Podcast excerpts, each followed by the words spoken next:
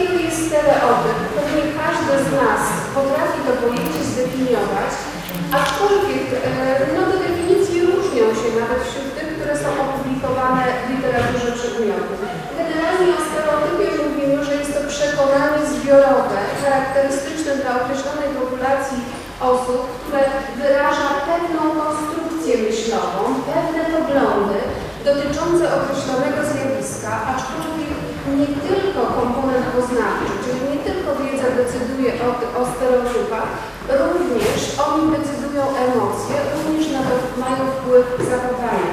Generalnie rzecz biorąc, cechą charakterystyczną każdego stereotypu jest e, błędne przekonanie o zjawisku, o osobie, o fakcie, którego dotyczy stereotyp.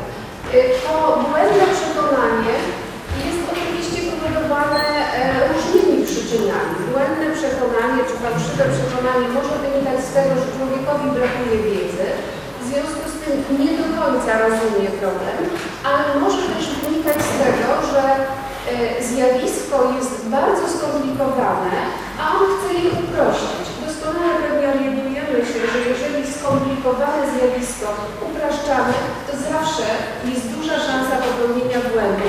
Pomijamy pewne istotne szczegóły, stąd stereotyp właśnie nosi te znamiona fałszywości, czy też e, no, nie, nie do końca odzwierciedlony jest prawdziwy stan, stan rzeczy. W jaki sposób, e, myślę, znaczy ja mam taki zwyczaj zadawania pytań, e, często są to pytania retoryczne, czasami oczekuję odpowiedzi, ale tę formę lubię, w związku z tym nie oczekując od Państwa odpowiedzi zadam pytanie, czy ważne jest dla nas, dla osób, które zajmują się na przykład edukacją żywieniową, żeby wiedzieć jaka jest geneza stereotypów. Wydaje się, że to jest ogromnie ważne, bo jeżeli poznamy źródła stereotypów, to będziemy mogli oddziaływać na te źródła. Generalnie nie jestem zwolenniczką eliminowania stereotypów z życia społeczności, mimo że one są fałszywe. Nie każdy człowiek e, jest w stanie zrozumieć rzeczywistość w pełni, natomiast musi radzić sobie w tej rzeczywistości. W związku z tym stereotypy pozwalają mu lepiej funkcjonować, aczkolwiek nie całkiem dobrze. Czyli nie możemy przestawać na tym, że akceptujemy stereotypy, ale nie możemy też dążyć do tego, że je eliminujemy, bo jest to niewykonalne. Społeczeństwo funkcjonuje według określonych e, zasad i jest to niewykonalne, e, żeby stereotypy nie pomagały człowiekowi w jego funkcjonowaniu. Skąd się biorą stereotypy? Człowiek e, obserwuje innych i efekty ich działań i w ten sposób e, zbiera informacje, które nie zawsze są prawdziwe i tworzy pewne przekonania na temat obserwowanych rzeczy. Człowiek czerpie błędne przekonania od innych. Bardzo często w kontekście żywienia mówi się, że rodzice są źródłem stereotypów dla dzieci, bo mówią na przykład jedz marchewkę, będziesz zdrowy. Myślę, że każdy z nas ma świadomość tego, że gdybyśmy jedli tylko marchewkę, to wcale nie bylibyśmy zdrowi. Prawda? Bo do tego, żeby być zdrowym, trzeba jeść różnorodne produkty żywnościowe. Natomiast małe dziecko może w sposób taki bardzo e, literalny przyjąć, przyjąć te stwierdzenia. Ale wracając jeszcze do rzeczy, często różne procesy emocjonalne, czyli reakcje emocjonalne nie pozwalają człowiekowi właściwie interpretować obserwowanych zjawisk i wówczas też mogą powstać stereotypy. To już powiedziałam, stereotyp jest wynikiem niepewnej wiedzy bądź fałszywych przekonań o tym, co nas otacza. Stereotypy są utrwalane przez tradycję, bo one pozwalają w świecie skomplikowane i trudno ulegają zmianom. Stąd wszyscy ci, którzy zajmują się edukacją żywieniową, ale myślę, że nie tylko edukacją, wiedzą jak bardzo trudno jest wyeliminować błędne poglądy. Mam wrażenie, aczkolwiek to nie było badane, że więcej, yy, że nasze nieprawidłowe zachowania żywieniowe w większym stopniu są warunkowane stereotypami niż niedoborem wiedzy. To jest, to jest dość duży problem. Dlaczego e, dzisiaj o stereotypach mówimy? Dlaczego e, chcemy ten temat e, omówić?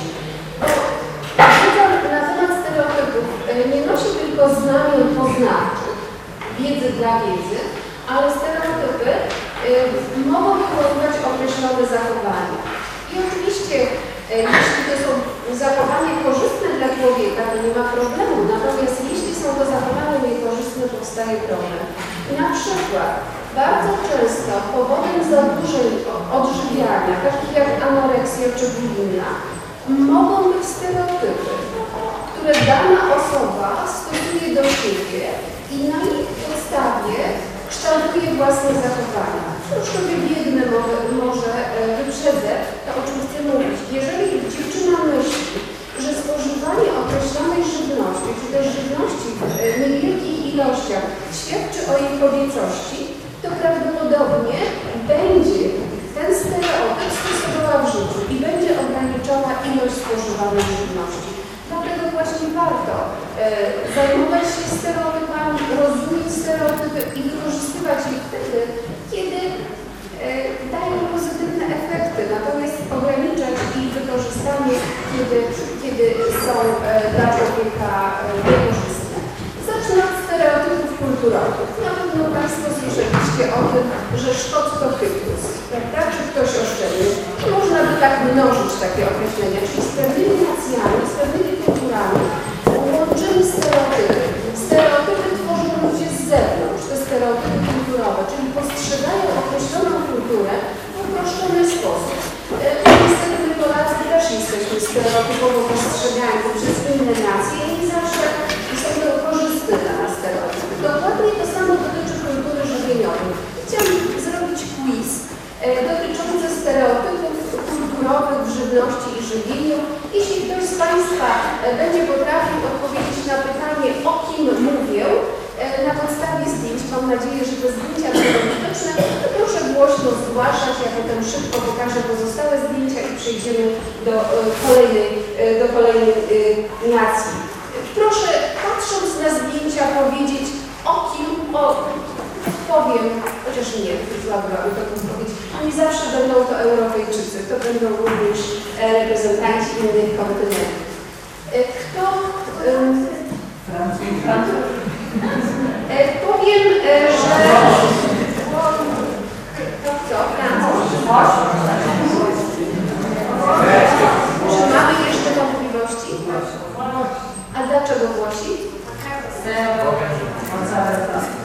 Poza tym barwy flagi włoskiej widać. To jest specyficzne dla Włochów, że w ich kuchni bardzo często pojawiają się potrawy, które łączą biel, zieleń i czerwień. Tak wygląda flaga.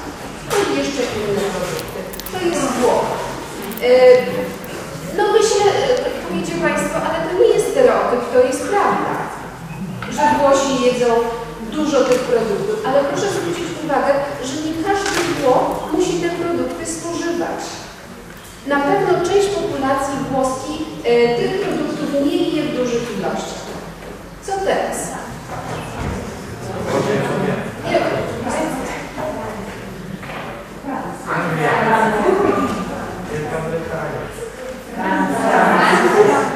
Nasilenie głosu świadczy o przekonaniu, prawda? Tak, to jest Francja. E, Czy każdy Francuz je żabie łódka? Albo śmiech? Kiedy zapytałam studentów o stereotyp związany z Francją, to oczywiście żabojad się pojawiło określenie. Kiedy współpracowałam ze studentami z Francji, którzy tutaj byli bez w ramach e, programu Erasmus, E, były to cztery osoby, nikt z nich nie jadł żadnych tunek, a byli Francuzami z krwi i kości wychodzeni. Następne zdjęcia i proszę spróbować. To jest trudne. Polska. Rosja. Brawo.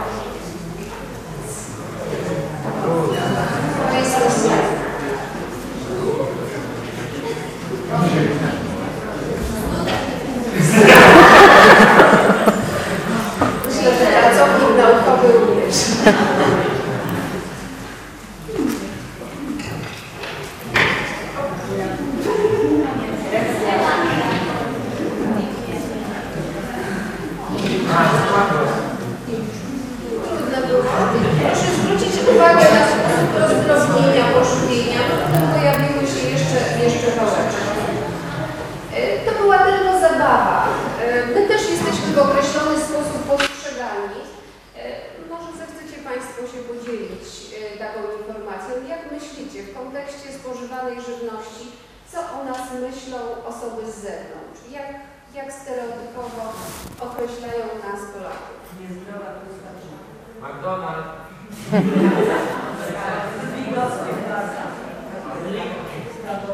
Myślę, że trzeba byłoby ich zapytać. W takim badaniu, które realizowali studenci w ramach zajęć tutaj prowadzonych, e, pierogi e, zostały uznane za polską kuchnię narodową, czyli można by sąd- sądzić, że właśnie potrawy mączne z dodatkiem mięsa, z dodatkiem tłuszczu są kojarzone wcale nie kotlet schabowy, o którym my pewnie pomyśleliśmy i jakieś kapuście. Przepraszam.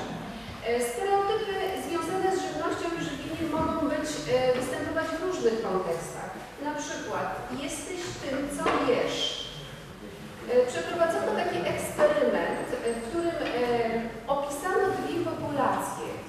Jedna z tych grup była opisana jako osoby spożywające duże ilości pożywienia pochodzącego z wody, z rzeki, itd., czyli różnego rodzaju e, ryby, e, żółwie morskie itd., itd., a druga populacja spożywała to, co my spożywamy. Powiedzmy, ktoś powiedział fast foody, niech będą fast foody. Proszę, e, to, może jest wydawać się niewiarygodne, ale proszę zauważyć, że w wyniku te, tego eksperymentu ludziom, tej grupie osób, która spożywała te pływające e, zwierzęta, związane z pływaniem. Jesteś tym, co jesz. Jesz żywność pochodzącą z e, istot żyjących, pływających, umiesz pływać. E, Nie na darmo e, w religiach, pewnie, pewnie Państwo o tym wiecie, w islamie zabronione jest spożywanie mięsa ze zwierząt, które mają, e, które są drapieżnikami, z ptaków, które są drapieżnikami, w obawie, że ceny drapieżcy przyjdą na człowieka, który to, to spożywa. To jest oczywiście stereotypowe traktowanie żywności. Jesteś tym, ile jesz. Myślę, że mamy świadomość tego, że człowiek, który je dużo, może wzbudzać określone oceny u, innych. Jesteś tym, jak jesz, jesteś, jesz to, co uważasz za dobre. Ja nie będę rozwijała tych wątków, bo one za chwileczkę się pojawią w różnym, w różnym kontekście. Ludzie tworzą swoje wyobrażenia o innych na podstawie tego, co te osoby jedzą. Ze znakiem zapytania. Ja uważam, że tak jest. E, Mam nadzieję, że przynajmniej część z Państwa podziela ten pogląd. Czyli jesteśmy e, skłonni oceniać innych na podstawie tego, co spożywają, jak również jak spożywają. Generalnie rzecz biorąc, e, badań z tego zakresu jest dość dużo, aczkolwiek jak spojrzycie Państwo na datę, to one troszkę już e, są, jakbyśmy to powiedzieli, starawe, w cudzysłowie. Generalnie chciałam fakt, że początkowo eksperymenty wykazywały, że e, osoby, które spożywały tak zwaną dobrą żywność, dobrą z żywieniowego punktu widzenia, były oceniane bardziej pozytywnie. Czyli jako tutaj e, pozwoliłam sobie zamieścić określenia atrakcyjne, bardziej inteligentne, bardziej spokojne, sumienne. Przypisywano im pozytywne cechy jako istotom społecznym. Natomiast dalsze eksperymenty nieco zmodyfikowały ten, e, to traktowanie ludzi ze względu na spożywaną żywność.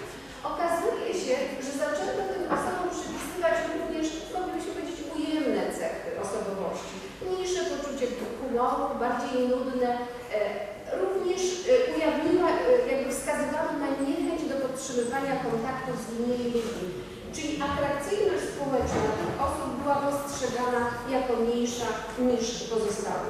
Możemy się oczywiście domyśleć, że osoby, które spożywały e, żywność e, niedobrą z żywieniowego punktu widzenia, czyli zawierającą więcej tłuszczu, e, bardziej energetyczną, e, ludzie postrzegają jako mniej atrakcyjnych fizycznie, mniej inteligentnych, mniej pilnych, ale dostrzegają w nich cechy społecznie akceptowane i pożądane zainteresowani uczestnicy w imprezach towarzyskich, chętnie spożywający alkohol bez trosy, czyli towarzysko interesujący. Proszę zwrócić uwagę, żywność służy zaspokajaniu potrzeb fizjologicznych organizmu. W tym momencie jest wykorzystywana do oceny człowieka jako istoty społecznej, jego atrakcyjności, jego atrakcyjności społecznej. E, ludzie tworzą swoje wyobrażenia o innych na podstawie tego, jak te osoby wyglądają. Czy to jest groźne, czy to jest niebezpieczne? Jest, dlatego że można znacząco uprościć rzeczywistość. Jeżeli dietetyk patrzy na swojego pacjenta, który jest e, otyły i e, przypisuje mu określone cechy osobowości, atrakcyjności społecznej, to może popełniać błąd. Ja oczywiście mam nadzieję, że dietetyk tego nie robi, ale zwykły człowiek może po prostu źle ocenić człowieka na podstawie wyglądu. Pozwoliłam sobie pokazać różne zdjęcia. E, to nie są osoby atrakcyjne fizycznie, bo żyjemy w takiej kulturze, w której atrakcyjność fizyczna jest inaczej postrzegana. Natomiast e, stereotypowo te osoby mogą być również poddawane ocenom pod względem atrakcyjności społecznej, co niekoniecznie koreluje ze sobą. Jak ocenia, jakimi ludźmi są osoby przedstawiane na zdjęciach? Z badań wynika, że są atrakcyjne społecznie, że są to osoby silne, że są to osoby zorganizowane, wiedzące, czego chcą, potrafiące realizować postawione cele. Ja tego nie wymyślam, to są wyniki badań, które wprawdzie nie w naszym kraju były prowadzone, ale w krajach Europy Zachodniej. Czyli z tylko i wyłącznie z wyglądem człowieka łączone są te e, mm, oceny. Generalnie rzecz biorąc mówi się o trzech typach sylwetek. Jest to sylwetka ektomorficzna, mezomorficzna i endomorficzna. Endomorficzna to zaokrąglona, korpulentna. Jak Państwu się wydaje, z którą sylwetką ludzie e, łączą najbardziej korzystne oceny, najbardziej pozytywne oceny człowieka? Słyszałam odpowiedź mezomorficzną. Czy ktoś e, jeszcze ma inne zdanie?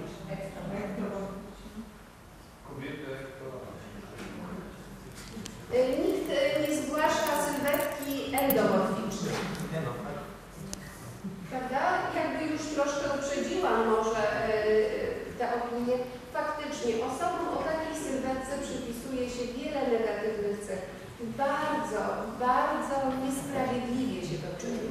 Osoby otyłe y, często traktowane są jako leniwe, jako niesumienne, jako y, niedbające o siebie itd. Tak Natomiast sylwetka ektomorficzna wcale nie wywołuje pozytywnych ocen y, ze względu na atrakcyjność społeczną. E, osoby ektomorficzne najczęściej są określane jako osoby trudne we współpracy, jako osoby zbyt wymagające w stosunku do osób, z którymi współpracują. Najgorszy jest szef sylwetce ektomorficznej, dlatego że e, wywołuje strach e, wśród, wśród pracowników. Natomiast zdecydowanie mezomorficzna sylwetka jest stereotypowo postrzegana najbardziej, najbardziej pozytywnie. Ja swego czasu przeprowadziłam takie badanie, które oczywiście nie ma charakteru badania reprezentatywnego, e, a mianowicie prosiłam o dokonanie wyboru. Z tym studenci uczestniczący w zajęciach chcieliby pojechać na wakacje, nad wiatr, ale też może być gdziekolwiek indziej. W każdym razie chodzi o plażę, o, o możliwość e, przedstawienia siebie i swojej sylwetki, pójście na dyskotekę, i kwestie założenia e, rodziny, poślubienia. Okazuje się, e, że ma to znaczenie. Ma to znaczenie i myślę, że moglibyśmy być zaskoczeni, jaki był wynik. Na przykład, proszę spróbować zgadnąć,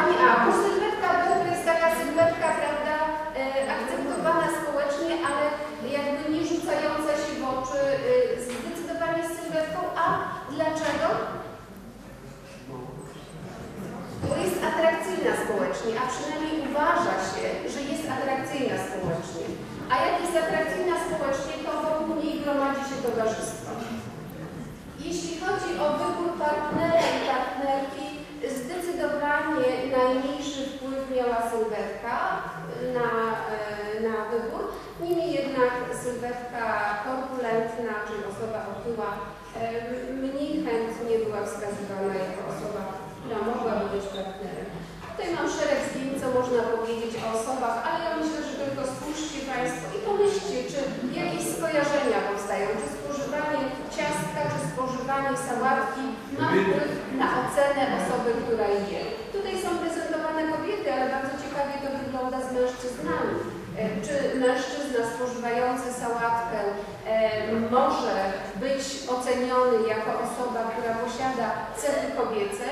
Badania wskazują, że tak, że mężczyzna jedzący żywność, która uważana jest stereotypowo jako kobieca, tak może być postrzegany.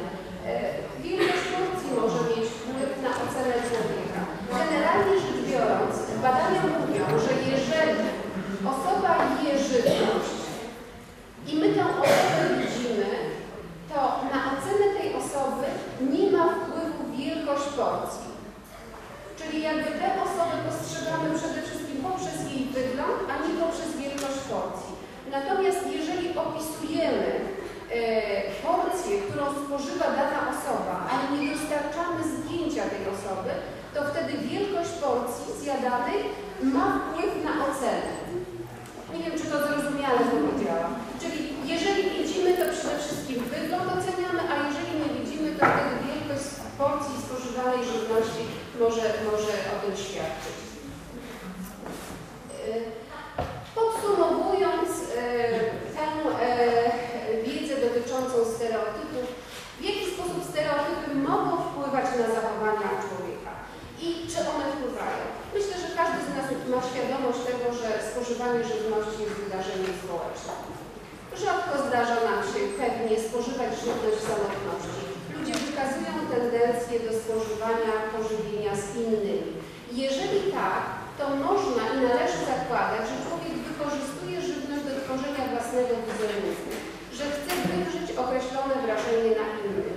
W ten sposób oczywiście e, może wykorzystywać e, stereotypy. Jeżeli kobieta, atrakcyjna kobieta, wybiera się na spotkanie z atrakcyjnym mężczyzną do restauracji, do kawiarni, e, może chcieć wykorzystać stereotypy związane z rodzajem spożywanej żywności.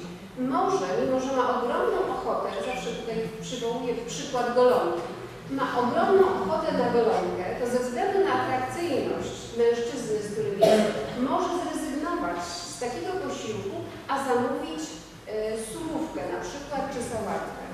W ten sposób pokazuje, kim jest. Dość e, istotne są różnice między mężczyznami i kobietami w tym względzie. Nie odkryję niczego nowego, jeżeli powiem, że kobiety zdecydowanie chętniej wykorzystują stereotypy, chcą e, stworzyć określony wizerunek siebie poprzez spożywaną żywność. Ale to nie oznacza, że mężczyźni zupełnie są neutralni w tym zakresie. Natomiast dla mężczyzny jest ważne, czy ktoś spożywa posiłek z nim. Nie ma znaczenia, czy to jest atrakcyjna partnerka, czy to jest nieatrakcyjna partnerka, czy to jest mężczyzna, czy to kobieta.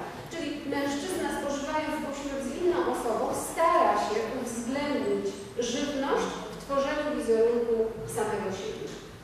E, Czy to, o czym mówię, jest istotne z perspektywy naszego bytu, czy nie? Można powiedzieć, że niektórzy traktują to w kategoriach zabawy, prawda? Natomiast dla niektórych e, może to być bardzo poważne takie przedsięwzięcie, które w rezultacie potem prowadzi do rozczarowań, bo kiedyś trzeba pokazać siebie, e, tę stronę naturalną, prawda? a nie tę dbającą o wizerunek poprzez żywność. E, zdecydowanie bardziej Większym zagrożeniem są stereotypy zinternalizowane. Co to znaczy zinternalizowane? To właśnie uwewnętrznione, czyli jeżeli osoba e, bez względu na obecność innych osób wykorzystuje stereotypy w swoich zachowaniach żywieniowych. Jest właśnie ta dziewczyna, o której wspomniałam na początku, która chcąc być doskonałą, perfekcyjną, e, chcąc myśleć o sobie jako o, osobie kontrolującej swoje zachowania, ogranicza ilość spożywanej żywności, eliminuje pewne produkty żywnościowe. Ma to oczywiście, może to mieć negatywny wpływ na, na jej e, zachowanie. W ten sposób jakby dla siebie tworzy wizerunek osoby odżywiającej się w określony sposób. Proszę Państwa, ja mówiłam o stereotypach związanych z żywnością, o mitach, jeżeli Państwo wolicie, związanych z żywnością, ale odnoszących się do oceny innych ludzi na podstawie tego, co oni jedzą. Koleżanki będą mówiły o, o stereotypach związanych bezpośrednio z żywnością. Nie wspomniałam jeszcze o jednym ciekawym wątku, nie mam przygotowanego slajdu, ale chciałabym podzielić się Państwem z tym, że tym, że Czasami określamy żywność stereotypowo jako dobrą, złą, zdrową, niezdrową. I to jest bardzo duży problem z perspektywy żywieniowej. Jeżeli ktoś uważa na przykład, że produkty mleczne są produktami zdrowymi, korzystnymi dla organizmu, może to oznaczać, że będzie jadł ich więcej niż potrzebuje. To często jest problem ludzi otyłych, prawda, którzy mówią, że oni jedzą tylko właściwe produkty, a nie są w stanie ograniczyć przybierania na masie, prawda, zwiększania masy ciała, bo nie można spożywać zbyt dużo, nawet żywności, która jest właściwa. Czyli stereotypowe traktowanie żywności może być również szkodliwe. I jeszcze, jeśli pozwolicie Państwo, to chwilę o modzie powiem, bo moda była anonsowana w materiałach. E, moda jest to takie zjawisko, które nam się kojarzy z odzieżą, ale są mody również żywieniowe. One tak naprawdę nie mają istotnego wpływu, tak przynajmniej wskazują badania, nie mają istotnego wpływu na zdrowie człowieka, bo moda to jest zjawisko krótkotrwałe, które powstaje i znika, prawda? Gorzej jak moda przerodzi się w klasykę, a potem stanie się zwyczajem, bo wtedy jest problem. Natomiast e, zjawisko mody ma charakter krótkotrwały, pewne urozmaicenie. Ja chciałam tylko powiedzieć, że e, jeśli ktoś z Państwa się tym interesuje, chciałby czy, e, coś stworzyć, to mógłby stworzyć jakieś zjawisko mody żywieniowej, ale korzystne z żywieniowego punktu widzenia. I we współczesnym społeczeństwie jest to możliwe. W przeszłości właściwie mody powstawały zawsze w warstwach społecznych, które znajdowały się wysoko w hierarchii społecznej i obowiązywała tak zwana teoria spływania, czyli z dworów arystokratycznych e, pewne e, produkty żywnościowe upowszechniały się i były wprowadzane do diety wszystkich pozostałych. Oczywiście był to proces długotrwały i w ten sposób mówimy o roli na przykład Bony Sforcy, prawda, w kontekście włoszczyzny Sobieskiego, jeśli chodzi o upowszechnianie ziemniaków. Natomiast e, oczywiście e, ci, którzy przejmowali te modne zjawiska, jednocześnie stanowili przyczynę tworzenia nowych lud, bo ci, którzy byli w hierarchii społecznej wysoko, nie mogli sobie pozwolić na to, żeby jeść te same produkty, które spożywali ci znajdujący się niżej. To było takie samo napędzające się koło. Natomiast e, współcześnie przy zjawisku mody należy mówić o efekcie przepływania i efekcie wpływania. Co to znaczy przepływanie? Przykład w zbiorowości studenckiej i w każdej innej zbiorowości zawsze znajdują się innowatorzy, czyli tacy, którzy e, wykazują tendencję do tworzenia czegoś nowego. Oni mogą być e, tym właśnie źródłem mód żywieniowych. E, również, zwłaszcza wtedy, kiedy mamy do czynienia z środkami masowej komunikacji jako źródło upowszechniania informacji, możemy mówić o efekcie wpływania, czyli mody mogą powstawać w społecznościach, które znajdują się niżej hierarchii społecznej, które wydają się społecznościami jakimiś zaniedbanymi, ale poprzez hip-hop na przykład, oczywiście to nie ma nic wspólnego z żywnością, prawda? Ale chociażby smalec, który w tej chwili już nie funkcjonuje jako moda żywieniowa, ale był taki moment, że był modny. W tej chwili został wpisany jakby e, w zwyczaje, w kulturę naszą, smalec spożywany powszechnie, prawda? Który został jakby wyciągnięty e, z e, kultury tradycyjnej, z kultury wiejskiej, który trafił na stoły eleganckie, który jest serwowany przy okazji różnych spotkań. Czyli mody żywieniowe wprowadzają urozmaicenie w sposobie żywienia i e, jeśli ktoś z nas zajmuje się edukacją żywieniową albo e, pracuje nad zmianami zachowań żywieniowych, to można o modach pomyśleć jako czymś, co może zmienić istniejącą rzeczywistość. Oczywiście pamiętajmy, że e, nie każdy człowiek jest podatny na zjawiska mody. Tak w sferze e, odzieżowej, jak i w sferze żywieniowej. A niestety im człowiek starszy, tym bardziej odporny na mody, również na mody żywieniowe. To młodzi e, mają szansę na tworzenie mód i myślę, że warto o tym pomyśleć, żeby na przykład tę żywność, która z żywieniowego punktu widzenia jest niekorzystna, a popularna w populacji młodych ludzi, żeby zamienić na coś innego. Dlaczego ludzie podążają za modą? Również modami żywieniowymi. Chcą się dostosować do otoczenia, trudno im się dziwić. Są członkami określonej społeczności i chcą być akceptowani w tej społeczności. Poszukują różnorodności, czyli chęć odróżnienia się od innych może zachęcać do e, poddania się modom, mogą tworzyć, czyli indywidualna kreatywność wreszcie atrakcyjność społeczna. Zawsze ci, którzy byli modni, byli atrakcyjni społecznie. Podsumowując, bo troszkę dużo czasu zajęłam Państwu, e, żywność jest ważna dla człowieka, nie tylko z perspektywy fizjologicznej. Człowiek wykorzystuje również żywność po to, żeby się komunikować z innymi, po to, żeby tworzyć własną tożsamość. Ktoś powiedział, że żywność to tak jak język. Można nie mówić, a poprzez żywność wyrażać to, co jest dla danej społeczności ważne. I myślę, że każdy z nas zna symbolikę różnych produktów żywnościowych. To jest właśnie taki specyficzny rodzaj mowy. Spożywanie jest aktem społecznym, zatem e, trudno myśleć, że człowiek nie będzie wykorzystywał żywności do celów społecznych. Stąd tworzenie własnego wizerunku poprzez wybór określonej żywności, poprzez określone zachowania żywieniowe. Jeżeli chcemy zmieniać zachowania żywieniowe, to musimy te fakty uwzględnić. Musimy uwzględniać stereotypy, tak jak powiedziałam wcześniej. E, nie ma możliwości, żeby wyeliminować z danej kultury stereotypy żywieniowe. To jest absolutny, e, absolutnie konieczny dla funkcjonowania społeczeństwa element. Oczywiście im człowiek więcej wie, tym łatwiej mu zrozumieć, że pewne przekonania są niewłaściwe, ale e, one ułatwiają funkcjonowanie i nawet człowiek bardzo wykształcony w określonych sferach chce upraszczać rzeczywistość, bo nie chce jej do końca zrozumieć. Zjawisko mody żywieniowej jest zjawiskiem społecznym, raczej nie jest, e, nie ma tak ogromnego znaczenia, e, jeśli chodzi o kształtowanie zachowań w porównaniu chociażby ze stereotypami, ale jest, jest obecny. Dziękuję bardzo Państwu za